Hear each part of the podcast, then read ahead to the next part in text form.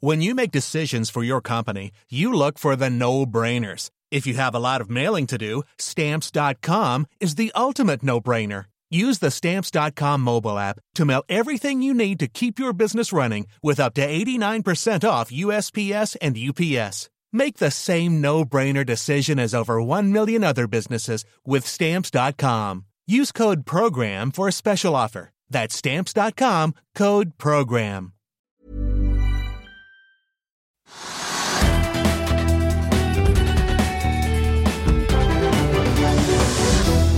En riktig god fredags ettermiddag alle sammen, og velkommen til Økonominyhetene på denne 6. januar. Mitt navn er Marius Lorentzen, og jeg skal forsøke å lose deg inn mot helgen i denne seiersetappen av årets første børs- og arbeidsuke. Vi har masse spennende på menyen i dag. Vi skal prate med toppsjefen i et av verdens største kjemikonsern, som forklarer hvorfor Europa sliter med å henge med når USA og andre regioner nå setter fart i industriutviklingen eh, sin. Og Statskrafts Norden-sjef forklarer hvilken skatt som må bort før hun gir grønt lys til flere kraftprosjekter. Og så får vi med oss sjeføkonom Kyrre Knutsen i SR-Bank, som skal gi oss en stemningsrapport fra næringslivet langs gullkysten. Litt tabloid sagt. Men la oss begynne med å titte litt på markedet akkurat nå. Hovedindeksen er opp andre dag på rad i dag. Ligger nå opp en 0,7% og holder det inn til mål, får vi si. Så ender vi der med uken ned ca. 0,6% samlet sett, da, takket være to dager med eh, litt solid nedtur da, tirsdag og onsdag, hvis vi sammenligner i hvert fall da med sluttkursen eh, før nyttårsaften. Nordsjøoljen ligger svakt ned 0,3% til 78,60 i spotmarkedet etter at vi da får vi si har holdt oss over 80 dollar fatet gjennom julen, men så da en nedgang nå på nyåret. Den amerikanske lettoljen ligger flatt på 73,60. Rundt oss i Europa stort sett eh, grønt i dag, med unntak av aksjemarkedet i Tyskland, der dagsindeksen er noe ned. Futuresene på Wall Street eh, får vi si litt blandet og avventende. Nasdaq Futuresene litt ned og SMP noe opp da i forkant av eh, sysselsettingstallene fra USA for desember måned, som bare er da 57 minutter unna. Det er da ventet at jobbveksten i USA vil falle fra 263 til 202 000 i desember, med en uendret ledighet på 3,7. Fasiten får vi altså om en snau times eh, tid. Så får vi også ta med litt mer på makrofronten. Det har kommet inflasjonstall fra Euro eurosonen i dag. De viste en prisvekst på årsbasis i desember på 9,2 mot eh, et eh, ventet tall på 9,5, så litt lavere enn eh, ventet. Og Det kom jo da etter at vi så nedgang i inflasjonen i både Frankrike og Tyskland. og Vi så, fikk de foreløpige tallene tidligere i uken. Og så får vi også si at Dette er da første gang vi ser ensifret inflasjon i eurosonen helt Eh, tilbake siden august i fjor, ifølge opptelling, en opptelling fra Bloomberg. Kjerneinflasjonen den eh, nådde likevel et eh, rekordhøyt nivå på 5,2% i desember, og regner da ikke med utviklingen i mat- og energipriser. Det er jo da fall i energiprisene som bidrar til at KPI-en faller på overordnet nivå. For de som er interessert i det og følger spent med, så kommer da de amerikanske KPI-tallene for desember måned 12. januar. Skipsted-aksjen ned et par prosent i dag. Det ble da kjent at finansdirektør Ragnar Kårhus har meldt at han ønsker å gå av som finansdirektør til sommeren og forblir da inntil videre i hvert fall som, i en rolle som rådgiver i eh, Skipsted.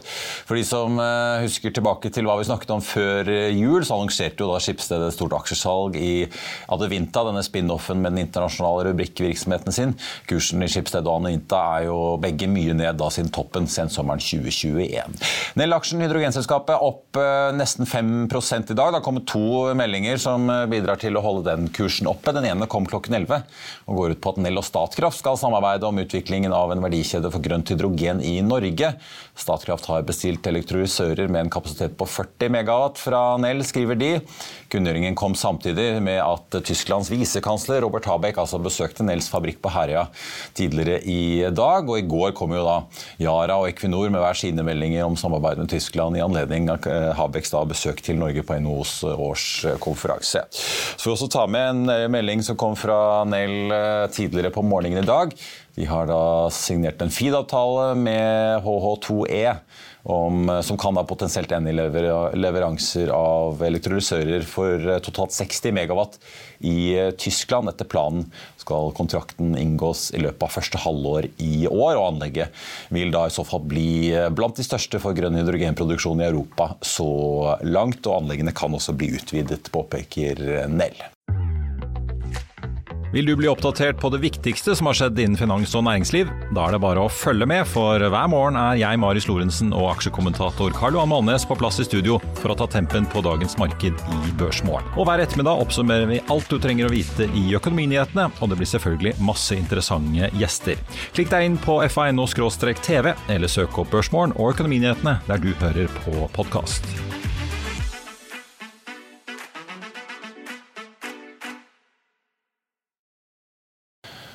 Og så er det, får vi si, nok en gang rykte rundt hva Equinor kan finne på å kjøpe opp. I fjor meldte jo Dagens Næringsliv at Equinor vurderte å kjøpe opp eierandelene på britisk sokkel til det kinesiske oljeselskapet Sinok. Nå skriver avisen at Equinor vurderer å kjøpe opp canadiske Suncor sin virksomhet på andre siden av Nordsjøen. Et oppkjøp som ifølge avisen kan bli på en 15 milliarder kroner. Suncor solgte seg jo som kjent ut av norsk sokkel i en transaksjon med high-tech vision-selskapet Sval Energi i fjor. Og Suncor har tidligere opplyst i regnskapet sitt at de jobber med et mulig salg av eiendelen også da på britisk sokkel. Men overfor eh, DN så vil verken de eller Equinor kommentere noe om denne saken. Så er Flyr ute med sine trafikktall. Aksjen er ned en 3,6% i dag. Flyr fraktet 52 eh, 400 passasjerer i desember, litt ned fra november. Også litt mindre fyllingsgrad i snitt, fra 77 til 73% Flyr har nå en eh, fire til fem fly i drift til enhver tid. Og selskapet sier at eh, de satser videre mot sommersesongen, og at de opplever at salget går eh, i hvert fall bra nå med nyttårssalget. Til sammenligning får vi jo nevne at Norwegian fløy 1,3 millioner passasjerer i desember alene. Flyr fløy altså 1,6 i hele 2022. Og vi venter selvfølgelig også spent da på Misjonsnytt rundt Flyr, som nå jobber med å få inn mer penger som de trenger innen utgangen av mars. i hvert fall. Vi skal straks ta inn dagens gjest, men jeg tenkte at vi eh, først må ta med et kort klipp med meglerhuset ABGs nye norgessjef Christian Fyksen, som var gjest på Børsmorgen i morges. Han fortalte at de sitter på flere store kommende børsnoteringer som det nå jobbes med. Og vi spurte hva som skal til for at man tør å slippe disse løs i markedet og gi dem grønt lys. Bare se her. Hva tror du, er det, Går folk og venter på at liksom Federal Reserve skal nå rentetoppen, eller er det andre triggere som kan utløse disse transaksjonene? Nei, jeg, jeg tror, tror, du er inne på eh, viktige ting der. Eh, og så blir fjerdekvartalsrapporteringen eh, og reaksjonen i markedet fra den eh, sentralt, for å se på en måte hvordan reagerer aksjemarkedet på, eh, på fjerde kvartal. Ja, folk vil lese rett og slett hvordan hvis XXL Telenor eller en eller annen kommer med en ny guiding eller skuffer eller overrasker, så vil de se utslagene. Ja, jeg tror det vil være, vil være noe der. Og så er det, er det som, som, du er inne på, det er, det er rentebaner, det er, eh, det er, inflasjon. Og på en måte vårt syn er jo at det kommer til å toppe ut uh, inneværende år. Uh, og vi tror jo det vil være bra for, uh, for aksjemarkedet. Og så er det, vanske, det vanskelige delen her er å vurdere akkurat når, når det skjer. Og det vi gjør praksis da, hos, hos, oss er jo at vi forbereder de her børsnoteringene så godt vi kan. Og, og, så, og så, ligger vi eh, litt på været og avventer eh, markedet. Så det er litt sånn status hos oss nå. Så I mellomtiden så er det andre typer transaksjoner som er mer relevant å jobbe med i det korte bildet. Ja. Da skal vi, eh, får vi si, ta med dagens uh, gjest. Stemningen er ikke god. Det sa Øystein Dørum, sjeføkonom i NHO, i går på årskonferansen. Nå er Sparebank1 SR-Bank ute med sin konjunkturrapport. Og da, sjeføkonom Kyrre Hem Knutsen, uh, er vi jo spent på å høre om stemningen er noe bedre nede hos deg i uh, Stavanger. For det var jo mye under selvfølgelig tematikken uro i går. Snakk om både inflasjon, energikrise og med Jens Stoltenberg på scenen, også selvfølgelig krigen i Ukraina. Eh, jeg tenkte kanskje Først skal vi ta forskjellen fra forrige rapport. for Vanligvis som dere skriver, hvis man ligger i en økonomi med en sånn noenlunde grei vekst, så havner den indeksen din stort sett på et eller annet sted mellom 55 og 60. Og hva ligger vi på nå? Nå ligger vi på 46, eh, og bakteppet her Marius, er jo at vi i store deler av fjoråret hadde god vekst, eh, mens eh, forrige måling i september bar bud om mer sideveis. og Det har vel slått sånn rimelig greit til. Jeg tror gjennomsnittet av bedriftene har merka større utfordringer i løpet av høsten, og nå er de på noe nedgang. Men det, jeg tror det er viktig å ha med seg at bakteppet er jo på en måte at det har vært god vekst i mange bedrifter, og det er veldig mange i jobb. Så selv om si, tematikken på NHO i går, veldig interessant konferanse, men det er klart, den er jo tuna litt mot mot liksom, hvor er uroen og utfordringene henne. Og selvfølgelig det skjer mye utenfor Norges grenser òg som påvirker oss. Men enn så lenge så har det holdt greit blant norske bedrifter, men nå er nok gjennomsnittet på vei ned. Og så er det store forskjeller mellom, mellom bransjene.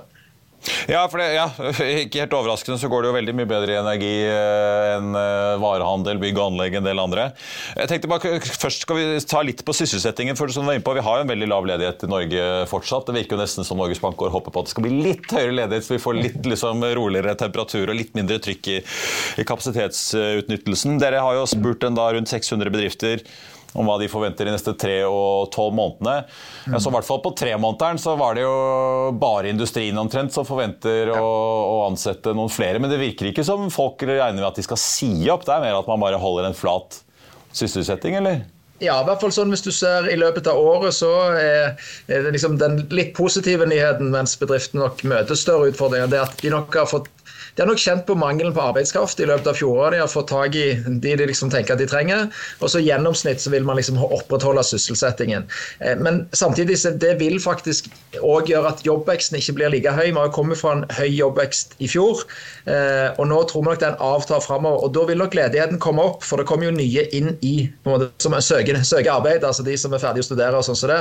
Så det vil nok bli noe, noe, mer, led, altså noe mer ledighet og sånn sett mer ledige ressurser. Men vi kommer jo fra et enormt pressa nivå. Det er jo laveste arbeidsledigheten på 15 år. Og den har vært det utover hele høsten, mens de fleste, og kanskje meg selv inkludert, hadde nok venta at arbeidsledigheten skulle avtatt noe. Men det vi har sett er at jobbveksten har på flata mer ut i høst. og Den har i hvert fall ikke vært like sterk som den var på, på forsommeren.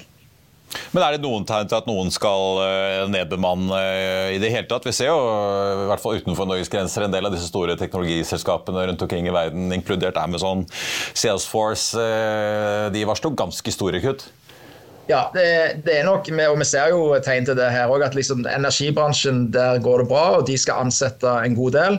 Eh, mens de fleste andre ligger jo mer på flatt eller på minus. og Kanskje særlig innenfor for varehandel møtes jo på en måte av liksom to krefter samtidig. Den ene er at eh, det er fortsatt reversering etter pandemien.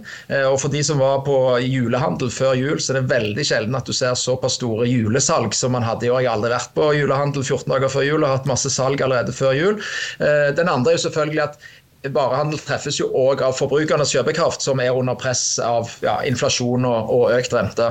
Og kanskje bygg og anlegg òg, kanskje særlig byggesektoren, der du har på en måte på et vis hvert slags løft under pandemien. så liksom, Det er den kombinasjonen av at det, litt, litt, reversering og normalisering, men òg at det er klart nye byggeprosjekter nå med kostnader som har gått i vær og etterspørsel som er noe mer usikker, der, der vil man nok se noen tilpasninger og kanskje noen nedbemanninger.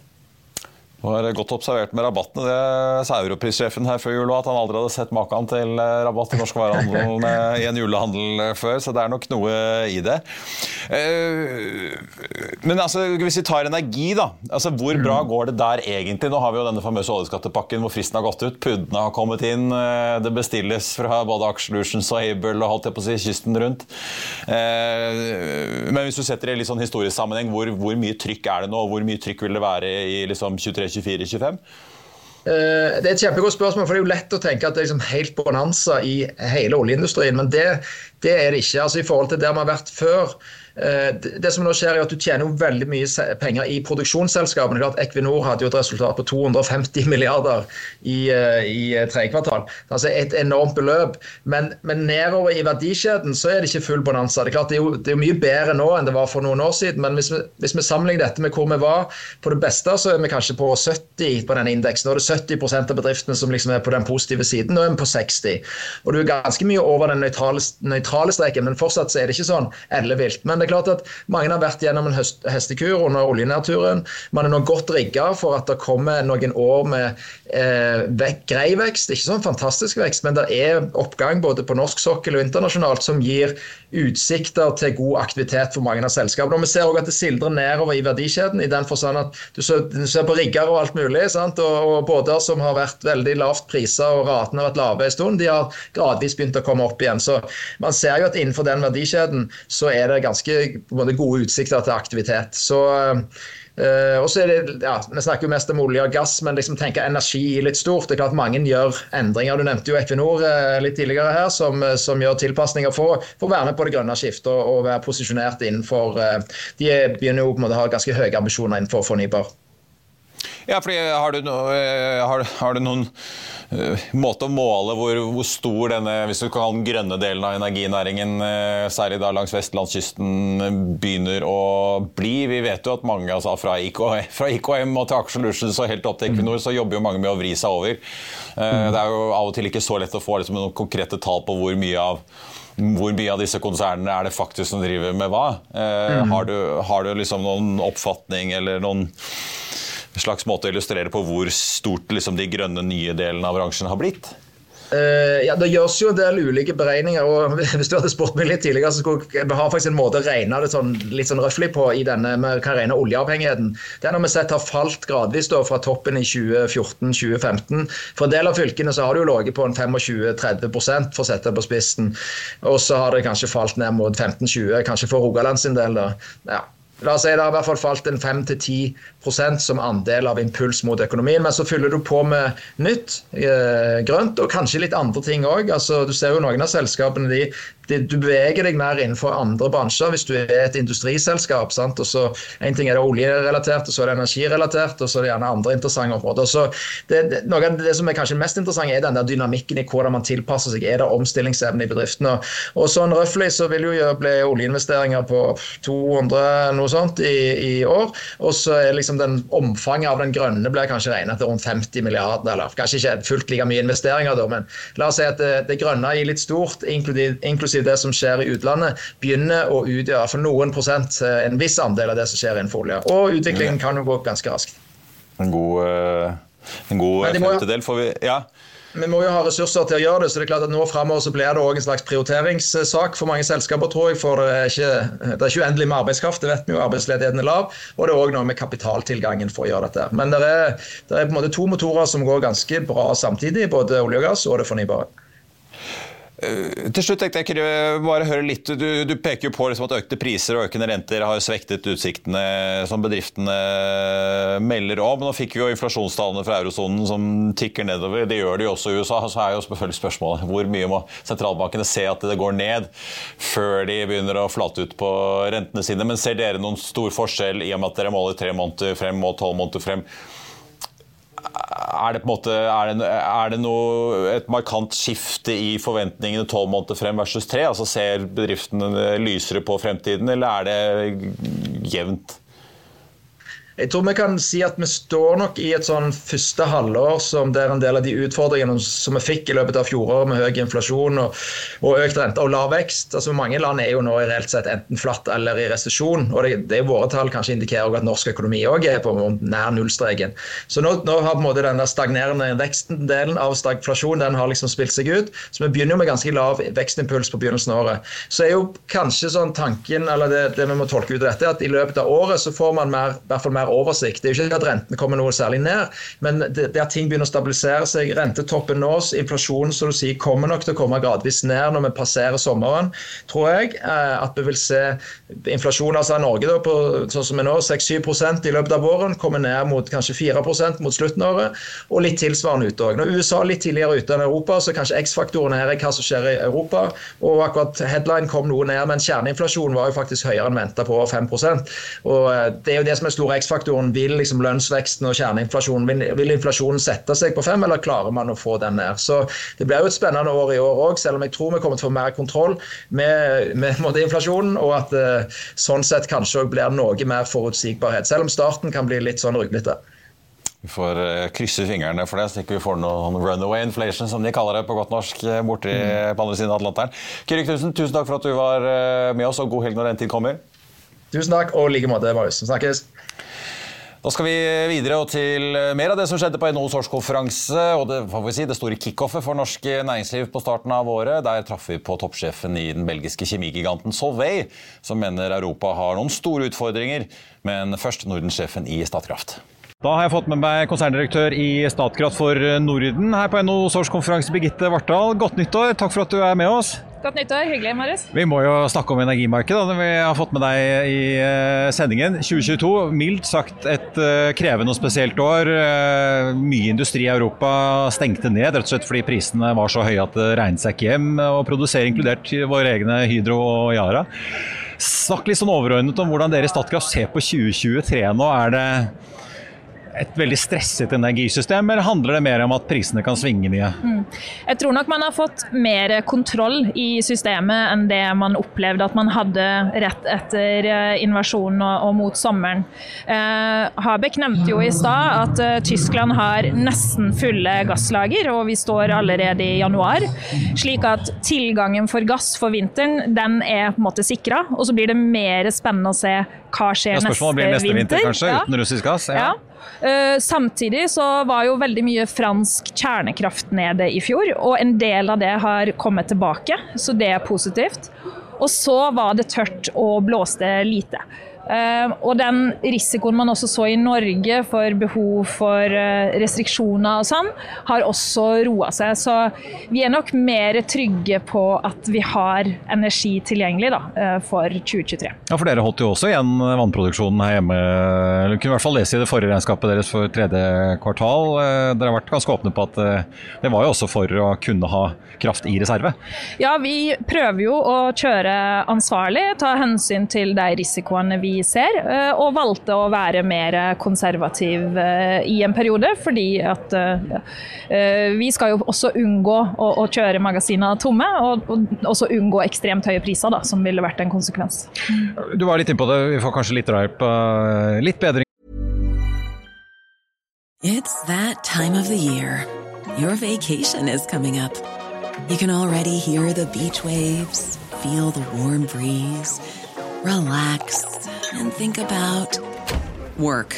You really, really want it all to work out while you're away.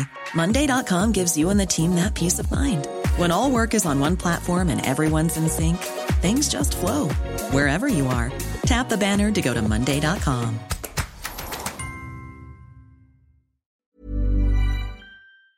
I'll see you in court. Vi sier det ofte litt på spøk, men for deg som driver business, er det aldri moro å innse at du ikke har laget en 100% gyldig kontrakt. Du bør ikke risikere hele firmaet ditt fordi du synes dette med kontrakter er litt stress. En avtale er ikke en avtale. Du kan miste kunder, miste venner, ja, til og med miste inntekter om du ikke lager en skikkelig kontrakt, på alt mulig, egentlig. Men vi vet det er et styr. Kopimaskiner, tregprinter og haugevis av papir. Dessuten stoler vi jo på folk her i landet. Det er ofte litt kleint å skulle be om en signatur for alt mulig, ja, for mye av styret handler også om jakten på underskriften. Det finnes en enkel måte å løse dette på, Dukkobit, en trygg, effektiv og get this, gratis måte å sikre seg en god natts søvn pluss en juridisk bindende avtale. Dukkobit-appen har de strengeste sikkerhetskrav i bunn, samt en EU-godkjent og sertifisert teknologi. Framover vil det bli behagelig å spørre du, skal vi skrive under på det, eller? Kom i gang på dokobit.no. I fransk kjernekraft så får vi jo se hvordan været hvordan det blåser og hvor mye sol og hvor mye det regner fremover. men litt sånn overordnet regner dere med et mildere prisbilde for konsumenten og bedriften i år enn i fjor? Eh, vi prøver å ikke kommentere på prisutvikling, men vi har jo f.eks. Eh, disse fastpriskontraktene som Statkraft var de første til å lansere før jul i fjor. Og den siste prisen som vi ga ut nå, var et, et hakk ned. Og ser du på gassprisen, så er jo den også fallende, og det er jo en av de elementene som er med på å påvirke prisene. Så får vi se hvordan det blir neste vinter. Om man skal fylle opp europeiske gasslagre uten påfyll fra russisk gass i nevneverdig grad? Det får vi se på. Det er jo bra å høre da, at de jobber med andre kilder for LNG. Og så er det jo også fart i utvikling av ny energi. Eh, ikke alt kan løses i år, men noe kommer også i 2023. Ja, for det tenkte vi må komme over på. I sommer så sa dere jo at eh, dere omorganiserte jo internt. Eh, og sa dere skulle trappe opp egentlig utrullingen av eh, nye fornybare løsninger og måtte investeringsplanene deres. Men hvordan ser det ut nå, da? I løpet av høsten fikk jo dere slengt eh, et nytt skattesystem eh, på dere, i hvert fall i Norge, mm. med både økt grunnrenteskatt og høyprisbidraget, som regjeringen i hvert fall sier er midlertidig. men mm. Hva har det gjort med attraktiviteten i å investere i, i, ny kraftproduksjon i Norge for dere? For dere kan jo tross alt velge å investere i Sverige, Finland, Tyskland, ja. Frankrike, og vi har, eh, vi har, jo ambisjoner om å investere globalt, hovedsakelig i Europa og også i Norge. Eh, vi kommer fortsatt til å utvikle prosjekt i Norge. Vi har allerede sendt én konsesjonssøknad på oppgradering av effekt på et vannkraftverk i Mauranger. Og vi håper å få til flere av dem. Vi er i gang med å se på vindkraft. I dag så er mine kollegaer i Bjerkreim i Rogaland og snakker med dem der om muligheten for et eh, vindkraftverk. Eh, så vi jobber med det. Når det gjelder skatten, så vi skjønner jo også at i de tidene som vi står i, og med de inntjeningene vi har, at kraftbransjen skal bidra ekstra. Eh, men så er det noe med innretningen, og spesielt det høyprisbidraget, som vi er bekymra for da, at vil påvirke effekt. Ja, for Det er jo ikke en lineær modell hvor du på en måte får samme fradrag som du beskattes på, plutselig så får du en ekstra skatt ja, du vil når få prisen er høy. en ekstra skatt når prisen er over 70 øre. Da. Og det er jo Uh, vannkraften er jo den vi skal bruke når uh, det ikke er annen kraft tilgjengelig. Uh, når, og da vil det gjerne være høye priser. De vil på en måte jevne ut prisene, men hvis da den perioden tas av, av skatt, så vil jo det redusere muligheten for å investere. Ja, for Dere skriver jo det at, i regnskapet deres at prosjektene deres blir jo mindre lønnsomme som følge av disse skatteendringene. Ja, så når det gjelder... Men betyr det at dere har skjøvet eller rett og slett droppet prosjekter nå? Nei, Når det gjelder grunnrenteskatten i seg sjøl, så er jo den relativt nøytral. Du får med staten som en medinvestor i prosjektet ditt på et vis. Dilemmaet for oss er innretninga på høyprisbidraget, men vi registrerer jo at finansministeren har sagt at det skal avsluttes innen 2024. Og det er klart at ingen av disse prosjektene er klar innen 2024. Så ser vi at det gjennomføres, så er vi klar for å investere. Men dere må se at den faktisk forsvinner? Ja, det er vi avhengig av ja. for å skaffe lønnsomhet i disse effektprosjektene. Og eh, vannkraften er jo det som skal balansere kraftsystemet når det ikke blåser og når det ikke er sol. Eh, balansekraften er konkurransekraften da, til vannkraften. Ja. Hvis vi titter litt utenfor Norge til slutt. Dere leverte vel en 1,2 gigawatt i ny kapasitet i, i, fjor. Sier dere skal ha et mål på mellom 2,5 og 3 i 2025 og strappes videre opp til 4 i 2030. En ganske kraftig oppskaleringsplan i utbyggingen. Hvordan ser det ut på en måte i din portefølje da? Hvor enkelt er det å faktisk levere på dette her? Det er jo mange av beina som vil bygge ut både norsk havvind, jeg antar det er mange som vil bygge ut vindparker i Sverige og Finland òg? Det er det. Så uh, vi jobber jo med en ganske stor portefølje av tidligfaseprosjekter eh, på tvers av de markedene vi er i. Og så vil vi etter hvert se når vi modner prosjekter, hvilke som kommer til å lykkes og som vi viderefører, og hvilke som ikke kommer til å bli lønnsomme eller du ikke får godkjenning på og som vi legger ned. Så vi på en måte jobber med en ganske stor portefølje da, for å klare å modne fram de 2,5 til 3.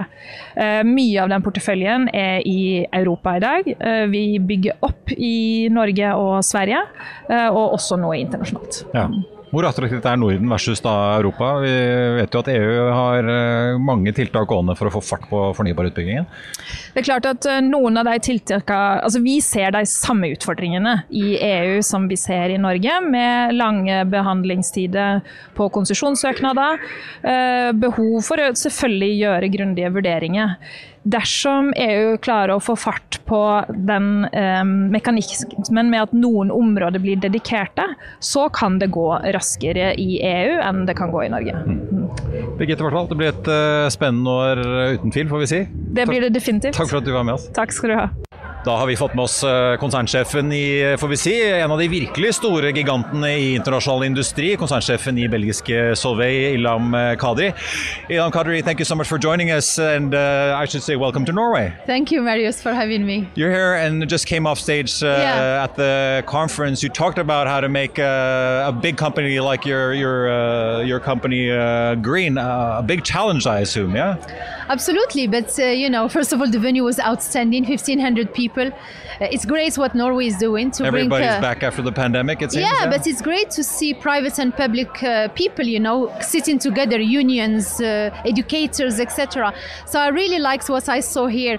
Yeah, I came on uh, out of stage, you know, uh, with the hope, with the hope that ingenuity, science talent can make it happen. Indeed, uh, it's challenging times uh, for many good or bad reasons. There is an unbearable Russian war uh, going on uh, since uh, uh, February last year, and it has changed many things in our daily lives personally but also professionally we the industries like the chemical industry which is uh, we, which needs energy which is hard to abate sectors um, we are just now trying to survive even live with less gas. um, and this is a new norm, a normal. It's a wake up call for Europe, right? Which was relying on cheap gas from Russia. So listen, uh, for us at Solvay, we always believe that we need to have an energy transition. We started that actually in 2019 with our Solvay One Planet. Uh, we committed to Paris. We actually achieved twice Paris since then, structurally every year. Uh, we committed to exit coal. Uh, since again 2019 by 2030 and we not only pledged but we committed to carbon neutrality which will cost a company which is 10 billion euro company 2 billion euro. We have 25 years to make it happen but that's a big ticket. But the cost of not doing it is higher than the cost of doing it I have to ask you, as, a, as the CEO of one of the largest chemical companies in the world with a global presence, uh, let's start with energy. Like you said, you're trying to get off coal. Uh, we've seen coal use increase quite substantially in Europe. Yeah. Uh, with really high natural gas prices, record high coal prices. Absolutely. Uh, where do you see the sort of energy market go in 2023? Do you see any improvement for your part on uh, any potential in lowering prices, or are you prepared for, for this high price picture throughout the year as well? Well, I think uh, I don't see any ease up. We see some raw materials, uh, input raw materials go into our manufacturing, pricing a bit, um, uh, prices decreasing. Uh, but on energy side, it's very difficult to write to, to imagine there was a bubble spikes ups and down during 2022. We as a company, we succeeded to push prices down. Uh, so did our customers, right? Uh, the question is how long this is going to last with high inflation, high interest rate now. Is this going to impact demand or not? So this is what we are trying to understand with our customers and their customers. The is, the, is the Russian sort of uh, now uh, Russia's not delivering much gas to, at all to Europe anymore? Has this pushed back your and, and, the industry's initiatives to go green and get rid of coal? Absolutely not. Yeah. It's the opposite. Yeah. I mean, we will be silly to stop it.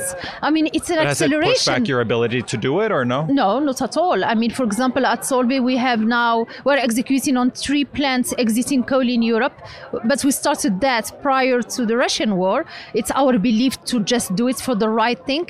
Our internal pricing for we have an internal carbon pricing globally as a company.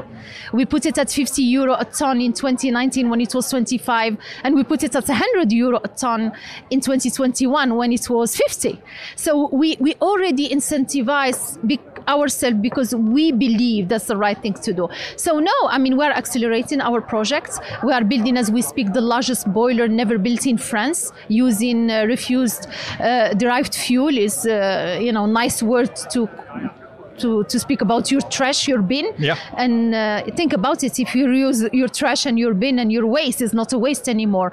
Uh, in Rheinberg in Germany, we're using non recoverable waste wood. I was in Devnya uh, before Christmas break. Uh, we are using sunflower waste pellets uh, to convert 30% of our coal uh, to, to, to waste or bio, biomasses. So, no, and we're doing this in the US. Believe it or not, Solvay now is the largest solar farmer in the chemical industry in the US. We put 500 soccer field, just the World Cup now finished, so I give equivalent of soccer field, 500 soccer field of solar panels, um, and three global GBUs now are uh, global business units uh, are purely using renewable, and our customers they love it for your smart devices, for example. So no, if there is one thing we are sure about is we need acceleration, but we cannot do it alone. We no. need an ecosystem.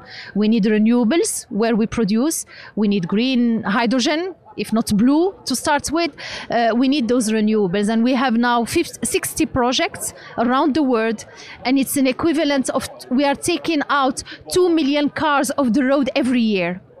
An this equivalent is pollution. An equivalent yeah. pollution. And this is one fifth of what we need to reach carbon neutrality. So I need five times more this we have sometimes not a lot 25 years and we're accelerating our decarbonation obviously a big uh, undertaking. I have to ask you about the sort of general economic development. Uh, in your last earnings for, for Q3, you reported record revenues. Uh, you've managed to increase prices to keep up with inflation. Your volumes are about flat. Where do you see 2023 going? Are you afraid of a recession that could uh, reduce demand for, for the industry? Well, first of all, yeah, we went from record to record. I mean, I joined Solvay back in 2019 to transform the company both financially and sustainability wise. And I'm a believer in sustainability and profitability. And that's what we've done. So Solvay, regardless of the macros, uh, is emerging stronger as a company. We 2021 was a record year. Obviously, the nine first months, yeah, quarter three volumes, you're right, were flattish. But year to date, we we dated back with our volume growth Hmm. because we are surfing on the mega trends like electrification. We're invisible, but we are uh, lightening any there, object. yeah. We are you there. just have to peel off Yeah, some ex- labels and the EV exactly. batteries. And, yeah. So we are under the hood application. We replace metal. We lighten projects, be it an, uh, an automobile, uh, an airplane, aircraft, your e-bike, right, at lower total cost of ownership. If it's mobile, it consumes less fuel. It's more sustainable. So um, and in batteries, uh, this is our sweet spot. So we are building as we speak, uh, probably the largest plant. It's a joint venture in the United States of America, where we were granted uh, subsidies uh, thanks to IRA. So we are very glad, you know, about this lightweight and electrification trend. Uh, bio products, right, for consumers like your shampoo, bio shampoo based on guar. We are recycling uh, a rice husk, which is a brand. Normally, you you waste it, you put it in the bin. From that, we bioferment it now, the waste, and it goes to your natural vanilla for your birthday cakes. So you know the the the, the So it doesn't seem like you're really fearing a recession or a slump in demand so much as as such. Well, the short term, I mean, when I look at the microscope, there are signs of uh, slowing down, right? In quarter three, we've seen the order books, you know, a bit shy, uh, too early. I mean, we are publicly traded company, so I cannot tell you uh, before we publish end of February our results.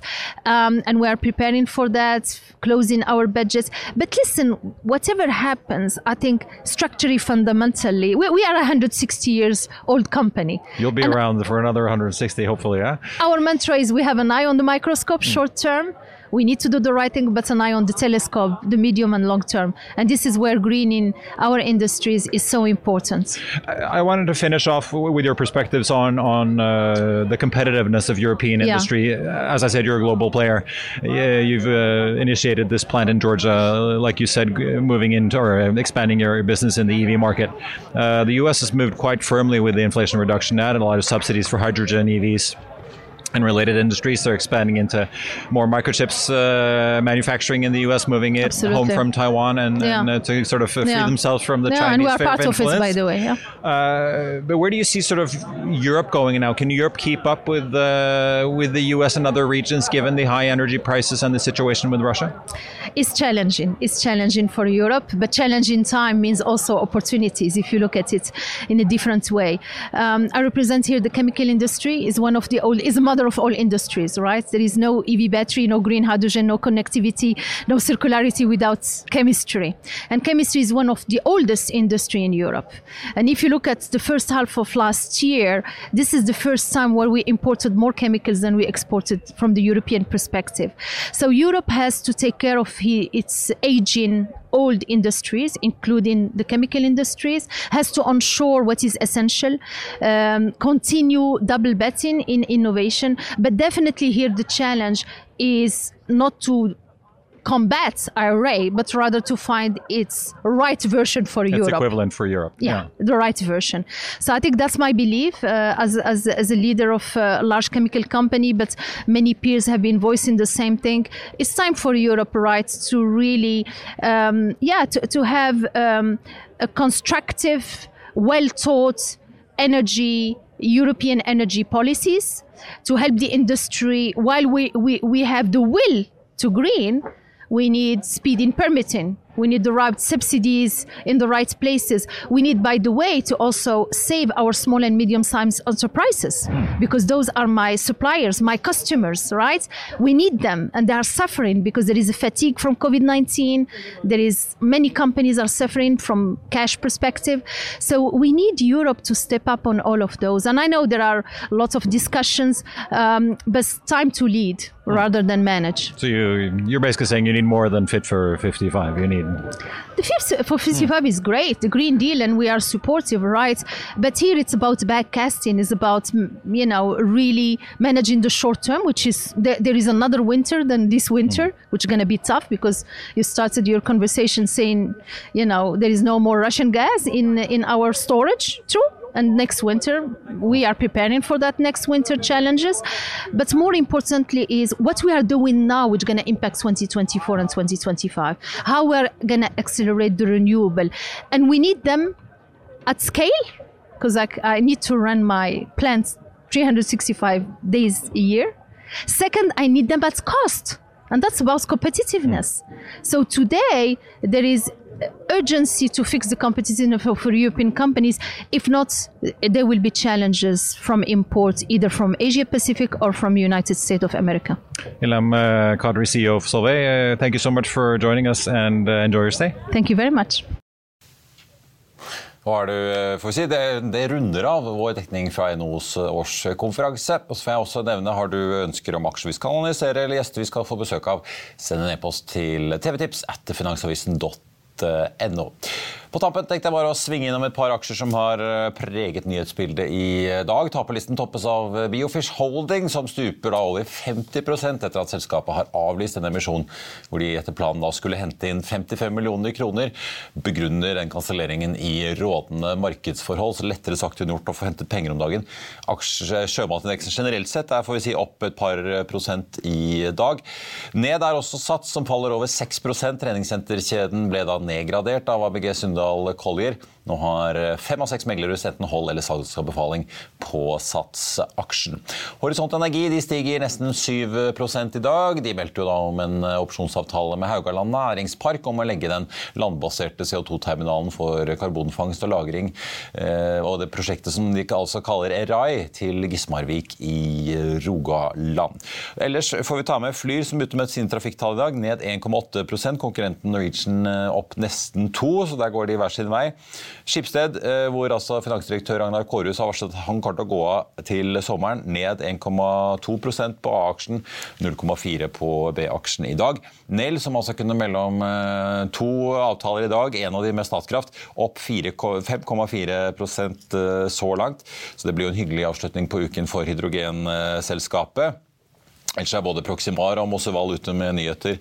Proximar eh, fikk landet et lån i Japan. De er opp halvannen prosent. Mosseval ute med kvartalsoppdateringen sin, opp 0,9. Ellers så er det jo, får vi si da sånn at hovedveksten er opp 0,8% så da ser det ut til at vi får begrenset nedsiden på denne første børsuken i det nye året. Ellers eh, på topp ser vi i tillegg til Nell, som ligger på nest mest omsatt eh, nå mot slutten av børsdagen, så har vi Equinor, som er opp 1,4% Movi også gjør det bra i dag 1,7% Storebrand trekker ned en 3,5 Aker BP opp 1,2 med en oljepris som fortsatt ligger under 80 dollar fatet, ned 0,2% til 78,64 i spotmarkedet for et fat brent. I Finansavisen i morgen på lørdag kan du lese Trygve Hegnars leder om at vi er rike. Og Han snakker da om de 13 000 milliardene som nå er i det norske oljefondet. Det blir børsintervju med DNBs bank- og finansanalytiker Håkon Astrup. Det blir profilintervju med hotellkonge Kjetil Smørås, som åpner sitt sjette hotell i Bergen. Ukens aksje det er Movi, og så blir det selvfølgelig masse mer bil, vin og annet helgestoff. Og Da er vi ved veis ende i denne sendingen. Og ja, vi kom oss frem til helgen, dere. Vi er tilbake igjen på mandag 08.55 med Børsmorgen. Før den tid så får du siste nytt på fa.no, inkludert sysselsettingstallene fra USA, som bare er noen veldig få minutter unna. De kommer 14.30. Og det er altså da ventet at jobbveksten vil falle fra 263 000 i november til 202 000. 000 i desember, altså, med en uendret ledighet på 3,7. Mitt navn er eh, Marius Thorensen, og fra alle oss her i Finansavisen, ha en riktig god helg alle sammen. Vi ses eller høres igjen på mandag.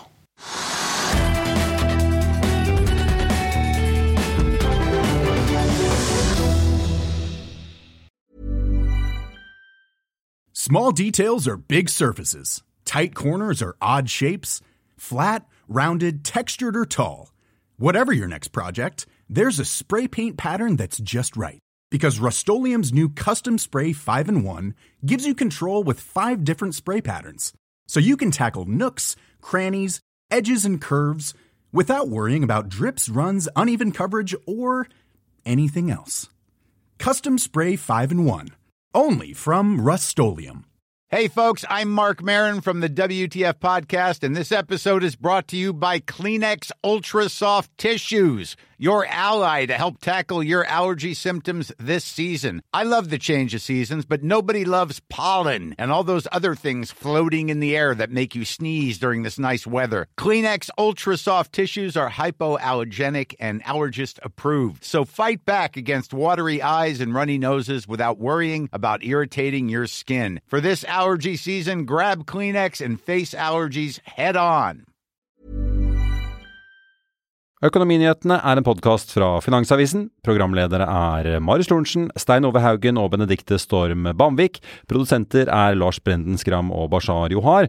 Og ansvarlig redaktør er Trygve Hegnar.